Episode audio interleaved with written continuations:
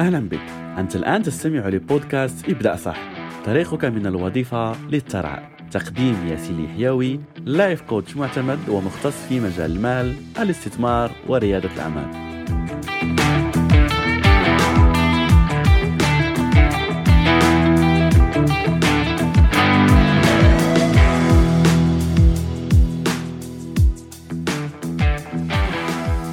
هل سبق وقلت لنفسك ليس لدي المال. ليس لدي المال لأفتح مشروعي. ليس لدي المال لأشتري هذه الأشياء اللي أنا نفسي فيها. ليس لدي المال للتعلم. ليس لدي المال لأي سبب من الأسباب الموجودة في هذه الحياة. إن كنت قد سألت نفسك هذا السؤال ففي هذه الحلقة سأجيبك عن هذا وستعرف كيف ممكن تحصل على المال حتى لو لم يكن لديك الآن وما هي أفضل طريقة مناسبة لك لكي لا تردد هذه الجملة أبدا في حياتك. أهلا وسهلا بك في حلقة جديدة من رسالة ابدا صح. معك ياسين الحياوي واليوم إن شاء الله سنتكلم عن هذه اللي أعتبرها من أكثر القناعات المدمرة. كيف قناعات؟ خليني أذكرك بقاعدة ومعادلة أحب أن أذكرها دائما وأرددها دائما لو كنت متابعني من فترة. لو كنت تتابعني لأول مرة فسجلها عندك. هذه القاعدة تقول على أنه الواقع يتشكل عن طراق القناعات الموجودة عندنا. هذه القناعات تولد عندنا أفكار هذه الأفكار ينتج عنها مشاعر ولما هذه المشاعر نأخذ بها اكشن بالإضافة لهذه القناعات يعني نأخذ بها تطبيق في الحياة تنتج عنها الحياة التي نعيشها فلماذا تقول لي هذا ياسين؟ لأنه ببساطة هذه القناعات التي ترددها مع نفسك مثل قناعة ليس لدي المال هي التي ستشكل واقعك وممكن تقول لي وأنا أصلا ليس لدي المال فعلا فكيف ممكن يتشكل واقعي؟ فقط أصبر وهذا الذي سنجيب عنه طيلة هذه الحلقة إن شاء الله. فالآن تخيل معي على أنك مثلا موجود في جزيرة لوحدك. جزيرة نائية لا يوجد يعني محيط بك الماء من كل جهة وأنت موجود لوحدك في هذه الجزيرة. وجلست مع نفسك وقلت على أنه هذه الجزيرة لا يوجد فيها أكل، لا يوجد فيها أكل، لا يوجد فيها أكل، وكل مرة تردد هذه الجملة لا يوجد فيها أكل مع نفسك لغاية ما اقتنعت بها وأصبحت حقيقة في حياتك. في حين أن شخص آخر في جزيرة مشابهة جلس مع نفسه وقال هذه الجزيرة ممكن يكون فيها أكل. فبالتالي في نظرك من من الشخصين سيقوم يبحث عن الأكل المتواجد في هذه الجزيرة؟ أكيد الشخص الثاني لأنه وضع لنفسه احتمالية ولا إمكانية تواجد الطعام والأكل في هذه الجزيرة في حين أنت في الجزيرة الأولى بما أنك اقتنعت وقلت لنفسك على أنه لا يوجد أكل ستبقى في مكانك وأكيد ستموت بالجوع. هذا بالضبط الذي يحدث مع الأشخاص في قناعة ليس لدي المال. فالفكرة على أنه أكيد نعم ممكن أنه حاليا ليس لديك مال أو ليس لديك مال وفير أو ليس لديك مال يغطي الكماليات والاحتياجات التي عندك في الحياة. لكن السؤال الأهم هو كما ذكرنا في موضوع الأكل. هو بدل ما تركز على أنه ليس لدي المال إنقل تركيزك لي كيف ممكن أحصل على المال؟ كيف ممكن أجني المال الذي أريد في حياتي؟ ما هي الطرق الممكنة لكي أحصل منها على هذا المال الذي أبحث عنه وأحصل عليه الآن في حياتي؟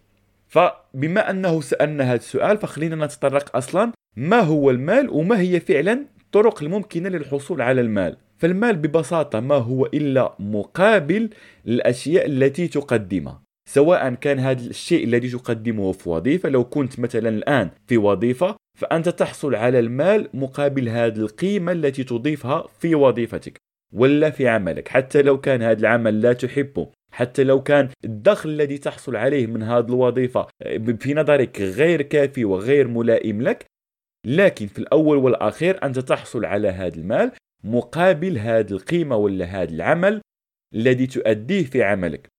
نفس الأمر شخص مثلا في مجال الطبخ ولا عنده ريستورانت عنده مطعم هذا الشخص في مطعمه الأشخاص يذهبون عنده المطعم يدفعون له مال مقابل هذه القيمة الأكل الجاهز الأكل الصحي الأكل الشهي اللذيذ. كل هذه هي قيم يحصل عليها هذا الشخص أو يعطيها لهذا الأشخاص مقابل مادي يعطونه له. فبالتالي هذا سيؤدي بنا إلى أوكي تكلمنا عن هذا على القناعة على أنه المال ما هو إلا مقابل. فبالتالي لو تريد أن تحصل على المال يجب أن تبدأ تنقل تركيزك من فكرة ليس لدي المال لفكرة ما الذي يمكن أن أقدمه كقيمة في حياة الأشخاص لكي أحصل على مال. فبالتالي لو أخذنا الموضوع من فكرة الوظيفة هذا سيأخذنا okay الآن أنا ليس لدي وظيفة ولا عندي وظيفة غير مناسبة لي ولا لا تعطيني الأموال المناسبة لي. فسأبدأ أسأل نفسي ما هي الأشياء اللي ممكن أضيفها كقيمة لكي أحصل على راتب أعلى. ليس لدي عمل؟ okay. سأبحث عن الوظائف المتوفرة وأسأل ما هو المطلوب في هذه الوظائف وأذهب وأتعلم هذه المهارات المطلوبة. لأنه في الأول والأخير ليس فكرة المال غير موجود. في الأول والأخير هي فكرة على أنك شخص كسول وشخص لا تحب أخذ أكشن في حياتك وتريد النتائج بسرعة. وهنا أعتذر عن هذه الجملة ممكن تكون غير مناسبة لبعض الأشخاص لكن هذا آه، هو الواقع لأنه فعليا أنت أصلا تأتيك أفكار تؤتي لك بالمال لو أخذت بها أكشن لو طبقتها في حياتك. بالله عليك.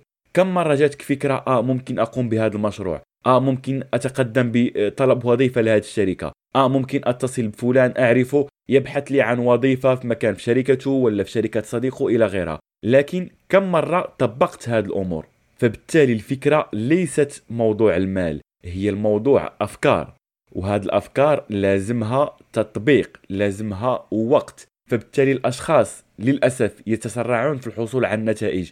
لما تأتيه فكرة على أنه قم مثلا بمشروع ولا قم باستثمار ولا اذهب الوظيفة قل لك آه وأنا يعني سأخذ يوم يومين آه لأتصل ولا لأبحث عن وظيفة ولا أخذ لي شهر لكي أتعلم هذه المهارة المطلوبة في هذه الوظيفة ولا المطلوبة في فكرة هذا المشروع اللي أنا فكرت فيه آه شهر شهرين كثير. ولا يفكر المسكين على أنه هذا الشهر شهرين ستمر سواء أحببت أو لم تحب هذا الوقت سيمر فبالتالي استغله في أشياء تعود عليك بالنفع ولا تبحث عن نتائج سريعة لأنه هذه الأفكار التي عندك هي رزق من الله عز وجل. أعيدها الأفكار التي تأتيك هي رزق من الله عز وجل أعطاها لك لو طبقتها تحصل منها على هذا المال الذي تبحث عنه. فالله سبحانه وتعالى عندما تدعوه أو تطلبه أنه يعطيك المال هو في الفعل يعني لن تنزل عليك السماء مطرا بالمال. لا هذا المال يأتيك عن طريق أفكار عن طريق أشخاص ممكن تتواصل معهم ويعطوك أفكار ولا يعطوك فرص. هذا هو تجليات الرزق. فللأسف أنت يعني حاشر نفسك ولا يعني تفكر فقط من منظور آه ليس لدي المال ومن منظور آه أريد المال المادي الآن أريد دولارات في يدي بعد يوم ولا بعد يومين. وتحبس نفسك من الفرص الكثيرة التي تظهر أمامك. بفكرة كما ذكرت على أنه أغير عملي فلما تجيك هذه الفكرة تجيك قناعة أخرى على أنه آه أغير العمل وأنا يعني تعودت في المكان اللي أنا فيه. وسأذهب لشركة جديدة ممكن أحتاج المهارة أحتاج وقت لكي أتعود على هذه الأشخاص. آه ممكن أغير مدينتي. okay.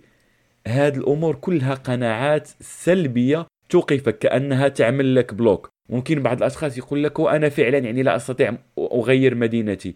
تمام. فهذه ليست الفكرة الوحيدة.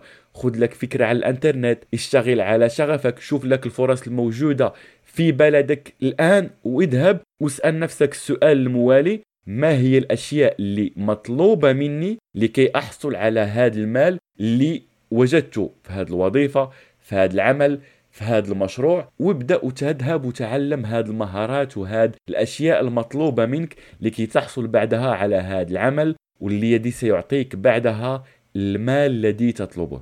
فبالتالي القاعدة من هذه الحلقة على أنه الله سبحانه وتعالى يرزقك أفكار لو طبقتها تؤتي لك بالمال وبالرزق المادي الذي تسأله. هذا من جهة. من جهة ثانية بقائك مكانك منتظر على أنه آه ليس لدي مال وهذا يذكرني كذلك موضوع التربية وذكرها يعني روبرت كيوزاكي في كتابه Rich Dad Poor Dad فكرة جد جد جد مهمة. وهي على أنه تعودنا على هذا من أيام الصغر. يأتي الطفل عند أبوه ولا عند الأم يقول له أريد أن أشتري كذا. فيجيب الأب والأم آه ليس لدي مال. فكرة اللي كان قالها يعني روبرت الكاتب في هذا الكتاب الرائع جدا اللي أنصحك أنك تقرأه هو على أنه اسأل ابنك ما الذي يمكنك أن تقوم به لكي تحصل على هذا المال؟ وخلي ابنك يعطيك أفكار إبداعية. أطفال ما شاء الله عندهم أفكار عديدة كلها إبداعية. فلا تعمل لهم بلوك وتوقف أفكار ابنك على أنه يبدع في مجال الافكار وفي مجال ممكن يجيب لك أفكار كيف يحصل على المال. وهذا ليس فقط في موضوع المال في كل مجالات الحياة